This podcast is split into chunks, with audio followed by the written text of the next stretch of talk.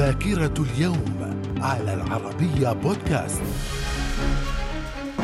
أهلا بكم وفي ذاكرة اليوم الثامن والعشرين من سبتمبر من العام 48 قبل الميلاد. اغتيال بومبيوس الكبير بعد هبوطه إلى مصر بأمر من بطليموس الثالث عشر. في العام 1542 المستكشف البرتغالي جواو رودريغيز كابريلو يصل إلى ما يسمى اليوم سان داييغو كاليفورنيا. في العام 1939 بداية الهجوم الألماني على الدول الإسكندنافية في إطار الحرب العالمية الثانية. من الذاكرة. وفي ذاكرة الثامن والعشرين من سبتمبر من العام 1961 سوريا تعلن انفصالها عن الجمهورية العربية المتحدة بعد ثورة عسكرية قادها عبد الكريم النحلاوي. وفي العام 1970 محمد أنور السادات يتسلم رئاسة مصر بعد وفاة الرئيس جمال عبد الناصر وذلك كونه يتولى منصب نائب الرئيس.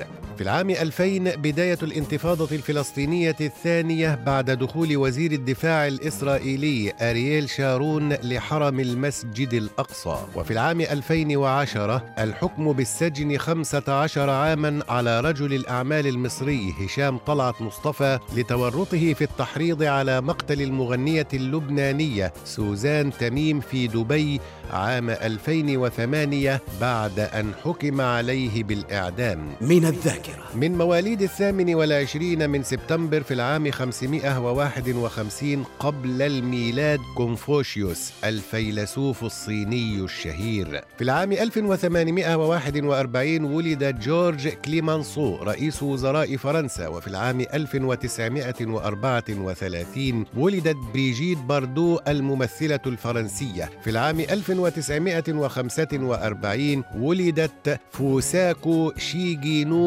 زعيمة الجيش الأحمر الياباني. من الذاكرة. وفي الثامن والعشرين من سبتمبر من العام 1895 توفي لوي باستير عالم الأحياء الدقيقة والكيمياء والفيزياء الفرنسي.